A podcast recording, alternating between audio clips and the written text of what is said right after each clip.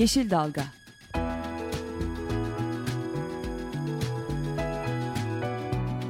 Çevre mücadeleleri üzerine.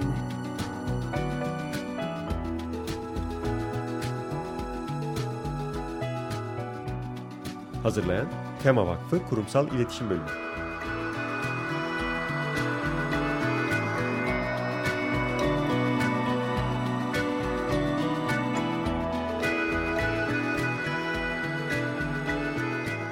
Yeşil Dalga programına katkılarından dolayı Willow Pompa Sistemlerine teşekkür ederiz. Merhabalar, Tema Vakfı tarafından hazırlanıp sunulan bir Yeşil Dalga programında da sizlerle birlikteyiz. Ben Esra Yazıcı Gökmen. Ben Özlem Katısöz. Bu hafta konumuzda stüdyomuzda bizle birlikte Tema Vakfı Hukuk Danışmanı Avukat Ömer Aykul. Hoş geldiniz. Merhabalar, hoş bulduk. İyi yayınlar. Teşekkürler. Ee, Ömer Bey ile e, Mersin Akkuyu'da yapılması planlanan nükleer güç santralini değerlendireceğiz. Özellikle e, ulusal ve uluslararası hukuk e, boyutu açısından e, ve geçtiğimiz günlerde de Sinop da da benzer anlaşmalar yapıldı. Bu açıdan değerlendireceğiz. E, ve ÇED raporuyla ilgili de e, öne çıkan e, eksiklik ve itirazlarımız üzerinde de biraz e, konuşuruz. Ama öncesinde çok hızlı bir şekilde her hafta olduğu gibi e, öne çıkan bu haftanın haberlerini hızlıca bir bakalım. Bu haftanın öne çıkan haberlerinden bir tanesi Bursa'daki e, DOSAP termik santrali ile ilgili. E, santralin ÇED raporu Çevre Şehircilik e, Bakanlığı tarafından nihai, nihai olarak kabul edildi. 10 e, gün e, süreyle de halkın görüşüne açıldı. E, başta DOSAP Termik Santrali'ne hayır platformu olmak üzere yüzlerce Bursalı da bu santralin yapımına hayır demek üzere itiraz dilekçelerini Çevre Şehircilik Müdürlüğü'ne iletti. Evet. DOSAP Termik Santrali'nin yani bütün kömürlü termik santrallere e, dair itiraz noktaları çok güçlü çevreye, insan sağlığına zararları açısından. Ancak Bursa'daki bu termik santralde artık neredeyse şehrin içinde e, kalmış bir konumda yapılması e, planlanıyor. E, dolayısıyla da ciddi bir e, itiraz ve e, muhalefet var bu termik santralin yapılmasına da karşı. Bu arada e, gene hani, konu termik santrallerden açılmışken e, Nisan'ın ilk haftasında da e, Türk Toraks Derneği'nin e, düzenlediği 18. yıllık toplantısında da termik santraller gündemdeydi. Türk Toraks Derneği göğüs hastalıkları üzerine çalışan bir dernek. Bu seneki yıllık toplantılarında da bir temiz hava hakkı çalıştayı düzenlediler. Çalıştayın ana konusu hava kirliliği ve hava kirliliğinin e, neden olduğu sağlık etkileri. E, bu seneki bu çalıştayda da e, kömürlü termik santrallerin neden olduğu e, hava kirliliği üzerine de e, tartışmalar, e, görüşmeler oldu. E, derneğin hava kirliliği görev grubu başkanı Haluk Çalışır e, planlanan termik santraller üzerinden e, birkaç görüş e, iletti. Türkiye'de işte yapılması planlanan 80 termik santralin e, 100 bin erken ölüme neden olacağının e, dair çalışmalar yapıldığını e, ve bu sonucun ortaya çıktığı 100 bin erken ölüme neden olacağına dair sonuçlara vardıklarını da iletti. Korkunç sonuçlar. Aynen e, öyle. Yani sağlık etkileri açısından da termik kömürlü termik santrallerin e, yaratacağı sonuçları da çok ciddi ve açık bir şekilde artık e, ortaya konulduğunu görüyoruz. Hı hı. E, enerji santrali ve sağlık deyince e, Çernobil'e buradan hemen e, geçelim. Geçen geçtiğimiz ay Mart ayı Fukushima ile e, nükleer enerji santralleri gündemdeydi. Bu ayda maalesef Çernobil'in e, yıl dönümü 29. E, yıl dönümü 26 Nisan 1986'da e, büyük bir felaket yaşandı Çernobil ve hala bunun etkilerini görüyoruz. E, bu kapsamda da 12, 13, 14 Nisan tarihleri e, Çernobil e, aksiyon haftası olarak belirlendi ve e, Nükleersiz Org ile Yeşil Düşünce Derneği e, Sinop, Samsun ve İstanbul'da e, paneller düzenledi. E, Çernobil ve halk sağlığına etkileriyle ilgili olarak yurt dışından da e, birçok konusunda uzman e, akademisyenler geldi ve e, bu etkilerin hala da devam ettiğine yönelik e, çok değerli bilgiler paylaştılar. Ve e, artık nükleer demişken şimdi konumuza da e, geçebiliriz. E, dediğim gibi Tema Vakfı e, Hukuk Danışmanı Avukat Ömer Aykul'la birlikteyiz. Şimdi e, Evet, bu nükleer güç santrallarıyla ilgili bir e, hukuksal olarak bir önce bir bakalım. E, biliyoruz e, Rusya ile ilgili yapılan 3 adet uluslararası sözleşme var. Bu sözleşmeler birisi nükleer enerjinin barışçıl amaçla kullanımı, öbürü kazalarla ilgili. En sonuncusu da e, efendime söyleyeyim santralın yapımıyla ilişkin. E, şimdi bununla ilgili olarak Japonya ile de e, aynı süreç işlemeye başladı. Bunun bir tanesi yine e, nükleer enerjinin barışçıl amaçlarla kullanılması ilgili. Öbürü de Türkiye ile Japonya arasında nükleer e, sanayinin geliştirmesi. Sonuncusu da yine bir nükleer güç santralı inşası olarak gelecek. Şimdi demek ki bir takım uluslararası sözleşmeler imzalanıyor. Bunlar iki hükümet arasında, iki devlet arasında imzalanıyor. Peki uluslararası hukukta e, tabii bunu Türk hukukuyla da bağlantı olarak şöyle bir, bir, bir tepeden bir bakalım. Nedir bu diye. E, şimdi Devletler aralarında bir dolu anlaşmalar yaparlarken bakmışlar bir dolu anlaşma yapıyoruz ama ya kardeşim bunlar birbirleriyle çatışacak, çelişecek ne yapalım? Oturmuşlar 1969 senesinde bir Viyana'da sözleşmelerin sözleşmesi diye anladı e, e, diyebileceğimiz bir sözleşme imzalamışlar. Burada da bu e, imzaladıkları uluslararası sözleşmelerin birbirleriyle çelişen, çakışan tarafları olsa nasıl olacağına dair bir çözüm aramışlar ve 53. maddesi diyor ki Bir anlaşma yapılması sırasında milletler arası genel hukukun emredici bir normu ile çatışıyorsa batıldır. Geçersizdir diyor. Peki ne demek?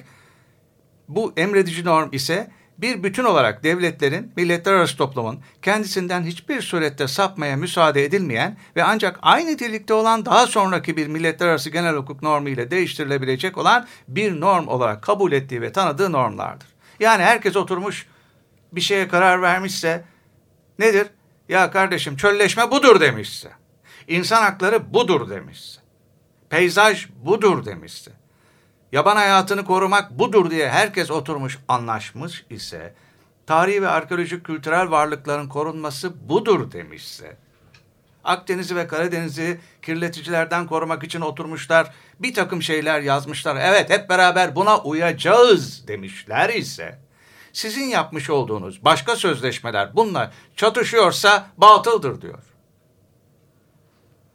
Şimdi e bakıyorsunuz e, Rusya ile yapılmış olan nükleer güç santral anlaşmasına e, bir dolu şeyi şimdi chatte söyleyeceğiz. Chatte söyleyeceğiz. Uymuyor. Uymuyor. Ama e, uluslararası sözleşme e, anayasaya aykırılığını da iddia edemiyorsunuz. O zaman enteresan bir sorun var. Evet Rusya ile ilgili veya ileride Japonya ile yapılacak olan anlaşmaların anayasaya aykırılığını iddia edemeyebilirsiniz. Ama uluslararası hukukta Viyana Sözleşmesi'nin 53. maddesine göre bu sözleşmeler hukuken geçersizdir. Geçersizdir. Ayrıca bir konu daha var. Bir de bizim ünlü anayasamızın 90. maddesinin son fıkrası var. Diyor ki eğer uluslararası sözleşmeler temel hak ve özgürlüklerle ilgili ise konumuz gereği anayasanın 56. maddesi sağlıklı ve dengeli bir çevrede yaşama temel hakkı. Bununla ilgili çelişiyorsa ve 63. maddesindeki kültür ve tabiat varlıklarının korunması ile çelişiyorsa o uluslararası sözleşme esas alınır, iç hukuktaki kuralınız uygulanmaz diyor.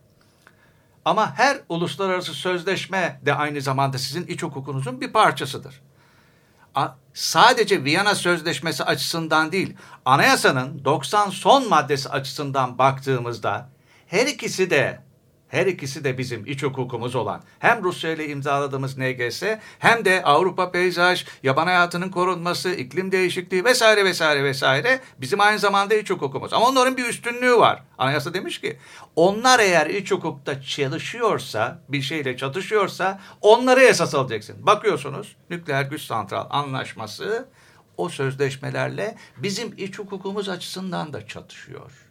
Dolayısıyla bugün o güç nükleer güç santral anlaşması hem iç hukuk hem uluslararası hukuk açısından sakattır. Ama maalesef yine hukukumuz gereği anayasaya aykırılığı iddia edemez. Bu bir siyasal konudur. Bu bir halkın e, çözeceği, hükümetlerin çözeceği konudur. Hukukçular sadece bu çelişkiyi ortaya koyarlar ve bu iş sakattır derler. Burada duralım. Şimdi hemen vakti fazla geçirmeden ÇED'e dönelim. Vaktimiz var da. Vaktimiz var. Peki olsun ben yine de hızlı gitmeye çalışayım. Efendim chat raporu 3730 sayfa. Üç, Aslında Evet. ÇED'e geçmeden yani çok önemli bir konu. Bir tekrar altını çizsek. Şimdi e, dediğiniz gibi Rusya ile ilgili imzalanan bir uluslararası sözleşme var. Ama diğer tarafta Türkiye Cumhuriyeti'nin e, taraf olduğu e, bir dolu uluslararası sözleşme. sözleşme var ve bunlara uyulmak zorunda. Uyumak ve bunlar e, birçok e, yani çevre ve insan sağlığıyla doğrudan e, ilgili olan e, ve de Türkiye'nin yükümlülükleri bulunan sözleşmeler. Evet. Dolayısıyla burada, bu Burada- iki sözleşme bir aykırılık söz konusu. Ama bu aykırılığı Türk hukuk sistemi içerisinde yargıya taşıyamazsınız. Sadece bu aykırılığı tespit edersiniz, söylersiniz. Bu hükümetlerin, siyasetin ve halkın karar tercihleriyle çözülecek bir sorundur. Bunun ötesinde fazla da ben bir hukukçu olarak zaten konuşamam. Ben tespit ederim, aykırılığı söylerim. Bunun, bundan sonrası siyasaldır. Sadece bunu söylemekle geçiniyorum. O zaman yine e, ÇED'e dönelim çünkü çok yakın ilgili. Neden peki bu kadar ateşle olarak efendime söyleyeyim bu aykırıdır diyorsunuz? Aykırı mı değil mi? Şimdi içine girdiğimiz zaman aykırılığı şimdi göreceğiz. 3730 sayfa bakıyorsunuz. Efendime söyleyeyim büyük bir ÇED 25 kişilik bir ekip hazırlamış. Türkiye ilk nükleer santralını yapıyor. İçinde bir tane nükleer enerji mühendisi var. 25 kişi de bir kişi. Peki ihtisas konusu ne? Nükleer tıp. Nükleer tıp. Siz bir nükleer güç santralı inşa ediyorsunuz. Bir tek uzman var 25 kişi de onun konusunda nükleer tıp. Bunu duyanlar gerekli taklidi yaparlar. Efendim şimdi bir kere çok sıcak bir bölgede bir nükleer güç santralı yapılıyor ve Rusya'nın bu kadar Rusya iklim itibariyle soğuk bir kuşakta yer alıyor. Rusya'nın böyle bir tecrübesi yok. Böyle bir tecrübesi yok. Dolayısıyla bu bizim için en ciddi sıkıntılardan bir tanesi. E, efendim ÇED raporunda ciddi bir e, hukuki gaf var. Yazılmış. E, Rusya Federal Devleti'nin 3 kanun, 2 tüzük, 6 yönetmeliği dikkat edin. Kanun, tüzük ve yönetmeliklerinin Türkiye Cumhuriyeti'nde uygulanacağı yazılmış. Şimdi bu tabii gözden kaçmış. Ama çok büyük bir gaf. Siz bağımsız bir ülkede bir başka ülkenin kanunlarını uygulanabilir diye yazabilir misiniz? Böyle bir şey olabilir mi? Ha, teknik mevzuat tabii ki uygulanır ama kanun, tüzük ve yönetmelik olmaz. Bu çok büyük bir gaf. Kabul edilebilecek bir şey değil. Tabii yer seçimi açısından ciddi sıkıntılar var. 76 senesinde seçilmiş burası. 76 senesinde orası boş, sakin bir bölge. Değer yargıları farklı. Efendime söyleyeyim. Sonra her şey gelişmiş. Chat raporunda da görüyorsunuz. Efendim e, kaç tane harita koymuşlar. Bölgenin tamamı önemli doğa alanı. Yan tarafında Göksu Deltası vesaire. Yani e, bir dolu şeyler var. Dolayısıyla bir e, bir sıkıntı var. Ayrıca bizim bir e, şeyimiz var. Bir yönetmeliğimiz var. Bu e, nükleer güç santrallarının e, sahalarına ilişkin yönetmeliğin 5. maddesinde diyor ki çevreyle, insanla, efendim e, nüfusun yoğunluğuyla ilgili doğal ve insan kaynaklı dış etkilerle ilgili bir sıkıntı varsa inşa sahasında bunlardan bir tanesinde dahi sıkıntı varsa orada nükleer güç santralı yapılamaz. Bu Türk yönetmeliği.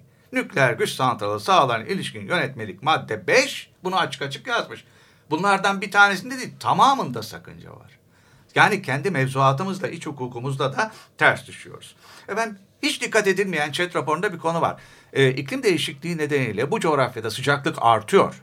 Sıcaklık artıyor. Siz efendime söyleyeyim bu sıcak bir denizden santralı soğutacaksınız. Çünkü e, temel e, konu termik santrallarda ısı elde edilip bunu e, su buharıyla enerjiye çevirmektir. Bütün sistem aynıdır. Mekanizma hepsinde aynıdır. İster kömür ister nükleer. Hepsinde aynı. Şimdi e, Şimdi burada e, nükleer e, enerjide ısı çok yüksek. Ani ısı var. Bunu yavaşlatıyoruz. Ani olduğu zaman atom bombası oluyor zaten. Yavaşlattığımız zaman da enerjiye döndürüyor. Şimdi bir kere ısı arttığı zaman daha sıcak bir suyla santralı soğutmaya çalışacaksınız. Daha sıcak bir Akdeniz suyuyla. E o zaman verim düşecek. Artı bu bir e, denizin asidik ortamı. Yani deniz ısındıkça buharlaşacak. Buharlaştıkça zaman deniz asidik ortama doğru dönüşmesi hızlanacak. Asidik ortamda suyla e, santralı çalıştırdığınız zaman korozyon olacak. Çok erken e, efendim bakım maliyetleri çıkacak. Bunlarla ilgili hiçbir şey yok. Efendim Türkiye dışa bağımlılıktan kurtuluyormuş. Ne diyorsunuz siz ya? Santralın yüzde 51'i nihai olarak Rusya'ya bağlı. Yakıtınız Rusya'dan geliyor. Atıklarınız oraya gidiyor. Yeniden işlenme orada yapılacak. Tesisi tamamen Ruslar işletecek. Ne o? Biz dışa bağımlılıktan kurtuluyoruz. Olur mu böyle bir şey? Üretilen elektrik de yanlış değil. Efendim Onlar satın almayla ilgili de siz zaten fiyat taahhütü vermişsiniz. Ne bağımlılıktan kurtulması? Yapmayın yani. İnsan aklıyla alay eder gibi e, şeyler. Bu olacak şey değil. Efendim sonra bizim mevzuatımızda diyor ki kanıtlanmış teknoloji olacak. Teknoloji kanıtlanmış. Bu Viver 1200 kanıtlanmış bir teknoloji değil. Bir tanesi Hindistan'da yapılıyor hala açılamadı. Bir tane de Türkiye'de yapılacak. Yapılıyor işte temeli atılıyor falan filan. Kanıtlanmış teknoloji Viver 1200'ün dünyada birkaç senedir çalışıyor olması lazım. Orada da bir kanıtlanmış teknoloji yani bizim temel mevzuatımızın gereği olan kanıtlanmış teknoloji hukukuna aykırı. Ayrıca yine burada Türkiye'nin girmiş olduğu daha doğrusu ben bunu atlamış olduğu diyorum bu bu olayda atlamış olduğu olayda en önemli boşluk nükleer kazalara karşı üçüncü kişilerin sorumluluğu uluslararası alanda sorumlu. Rusya'nın bir bağlantısı yok. Türkiye'de de iç hukuk bu konuda düzenlenmemiş. Gerekli düzenlemeler yok. Olası bir e, Allah muhafaza bir bir kazada e, hem ulusal alanda hem de uluslar arasında üçüncü kişilere karşı verilecek e, zararların hiçbir e, çalışması burada yok. E, yapılacaktırla geçilmiş. Bir fayda maliyet analizi var. Fayda maliyet analizi sadece kazançlar üzerine kurulmuş. Kardeşim sadece gelir üzerine kurulu bir fayda maliyet analizi olur mu? Hani sizin riskleriniz, kaza anındaki oradaki fayda maliyetiniz, kaybettiğiniz ekosistemin değerine yönelik fayda maliyet verileriniz nerede? Onlar zaten hiç yok. Hiç yok. Ee, bu böyle ilgili bir sıkıntı var. Ayrıca çok e, enteresan bir laf var. Nükleer santral söküm sonrasında santral sahasıyla sahası çevreyle uyumlu hale getirilecekmiş. Yani ben bura, buradaki arkadaşlarımız biraz şakacı olduğunu zannediyorum. Dünyanın neresinde nükleer santral sökülmüş de orası temizlenmiş. Mümkün değil. Böyle bir şey yok. Böyle bir şey yok. Böyle bir cümle yazılır mı? Yani bunu okuyan herkesin aklı var. Ve hani hiçbirimiz nükleer uzmanı değiliz ama e, iyi Allah'a çok şükür okuma yazmamız var inceliyoruz. E, dolayısıyla böyle bir şey olamayacak. Efendim bölgeyle ilgili çok geniş sismik analizler yapılmış. Güzel. Ama ama şu, şunlar da var. Ecemiş ve Namrun fayları meçhul faylar bilinmiyor. Artı güneyde bir Nil e, olayı var. Nil Nehri önünde koçkoca bir e, deltasında bir sediment kütlesi var. Olası bir Akdeniz'deki bir hareketlilikte o sediment kütle Akdeniz'in içine e, efendim akarsa müthiş bir tsunami Kıbrıs dahil Mersin'e kadar e, ciddi bir e, sıkıntı var. Hatta Ecemiş fayı derken hani, e, onu da hatırlatma fayda var. Ecemiş fayı denen fay bu Akkuyu'nun yapılması planlanan yerin tam e, altına denk geliyor ve o Evet güney ucuyla güney ucu- güney ucuyla tam e, doğusundadır. Güney ucu daldığı uç daldığı uç Akkuyu'nun doğusunda. Yani çok çok ciddi sıkıntılar. E, yani e, risk var yani risk. Efendim gelelim ekosisteme yönelik. Adam bir facia tabii. Yani şu dünyanın e, göz bebeği olan Akdeniz fokları efendime söyleyeyim e, nükleer güç santralına bir buçuk kilometre mesafede beş parmak adasında. Her yerde var ya beş parmak adasında da. Ayrıca Sa e, Sancakburnu bölgesinde yine bir dolu şey var. Orası birinci derecede doğal sit alanı. Yani birinci derecede doğal sit alanının burnunun dibine nükleer santral yapmışsınız. Sekiz kilometre yakınına. Efendim e, Flora'daki endemik türlerin sayısı ciddi derecede yüksek. Fakat şöyle bir şey var. E ne yapalım diyorlar ya Türkiye'deki bitkilerin yüzde otuzu endemik. Yani mecburuz. Şimdi ya böyle bir şey olabilir mi? Yani zaten yüzde otuzu endemik ne yapalım diye bir e, şey yapılabilir mi? E, sözleşme yapılabilir mi? Efendim ayrıca e, nükleer güç santralı yine bir başarılı daha imza atmış. Efendim içinde birinci derecede arkeolojik sit var. Kargalı Kilise. Yani belki bu Türkiye dünya tarihinde e, şey e, ilk defa e, şey yapılabilecek alan. Tabii tarımsal faaliyetlerde sütçülüğü çok yoğun görüyoruz. Süt e, radyasyonu en çok çeken bir madde ve çocukların kullandığı bir madde. Yani bunun üzerine kocaman bir soru işareti koyuyorum. Etraf süt çiftlikleriyle dolu. Yine başka bir şaka var. Şaka diyorum artık ben. Efendim şöyle bir cümle var. Genel olarak enerji yatırımları istihdam yaratır ve iş odaklı turizmin gelişimine de katkıda bulunur.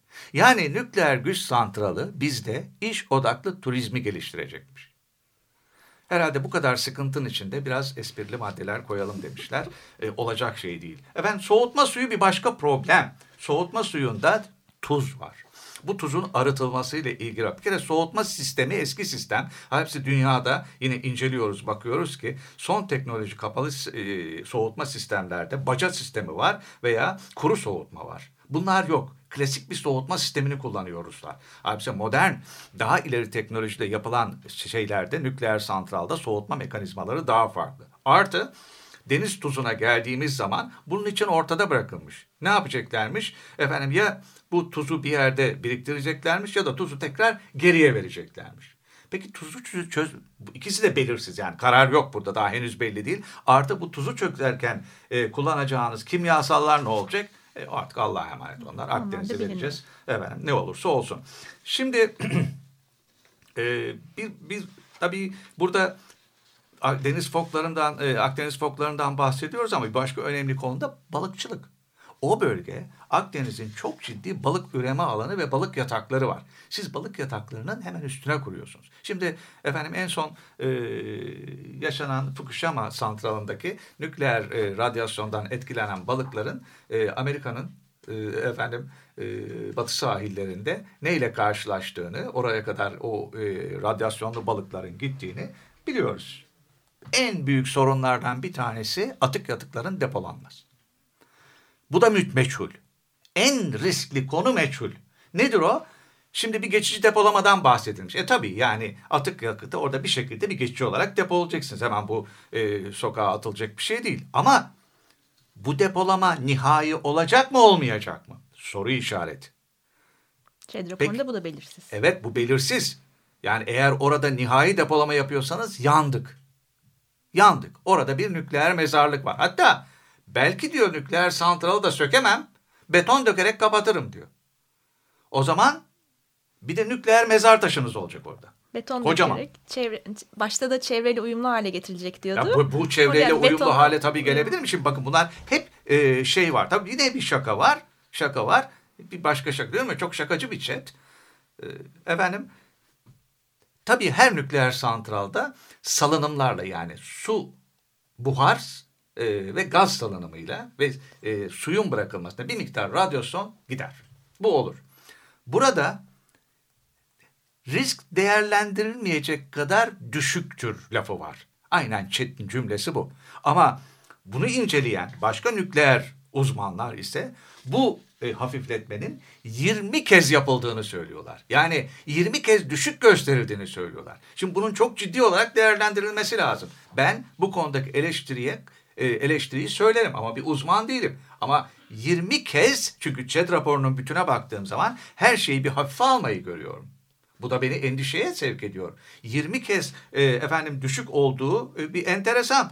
Şimdi ayrıca Akdeniz'deki su kullanılacak buharlaşma vesaire vesaire.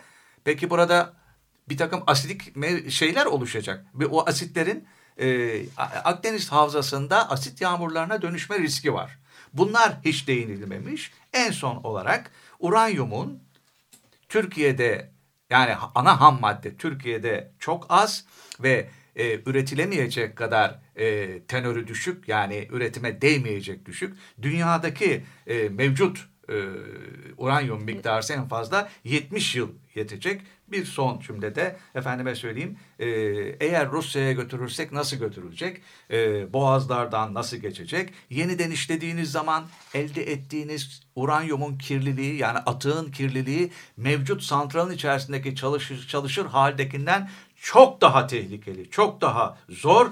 E, efendim derin depolama e, Amerika'da yapılmak istendi. O da becerilemedi. Amerika durdurdu. Efendim proje alternatifleri konusu fevkalade şey e, proje alternatifi olarak Viver 1100 ile değerlendirmişler. Yani şu anda mevcut olan. Hayır efendim.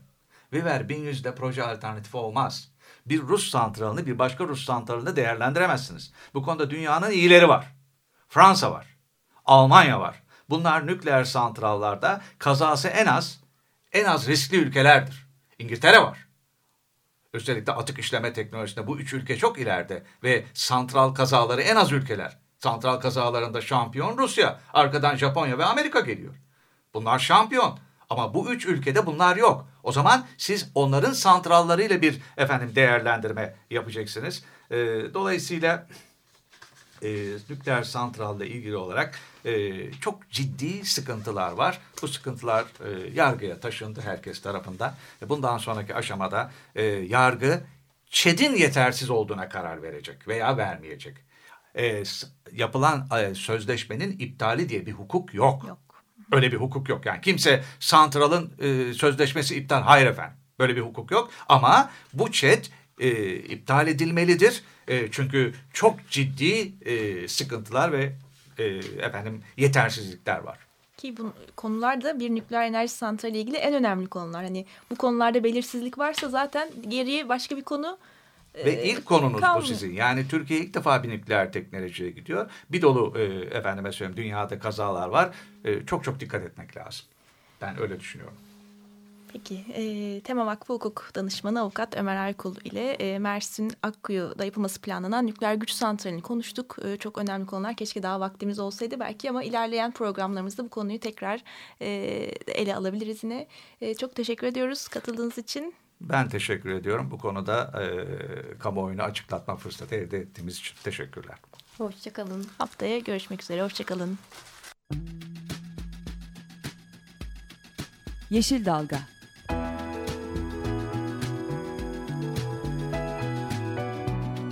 Çevre mücadeleleri üzerine.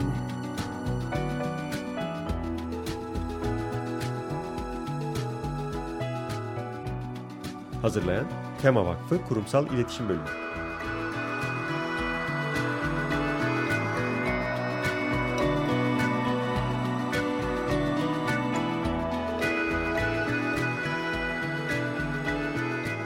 Yeşil Dalga programına katkılarından dolayı Willow Pompa Sistemlerine teşekkür ederiz.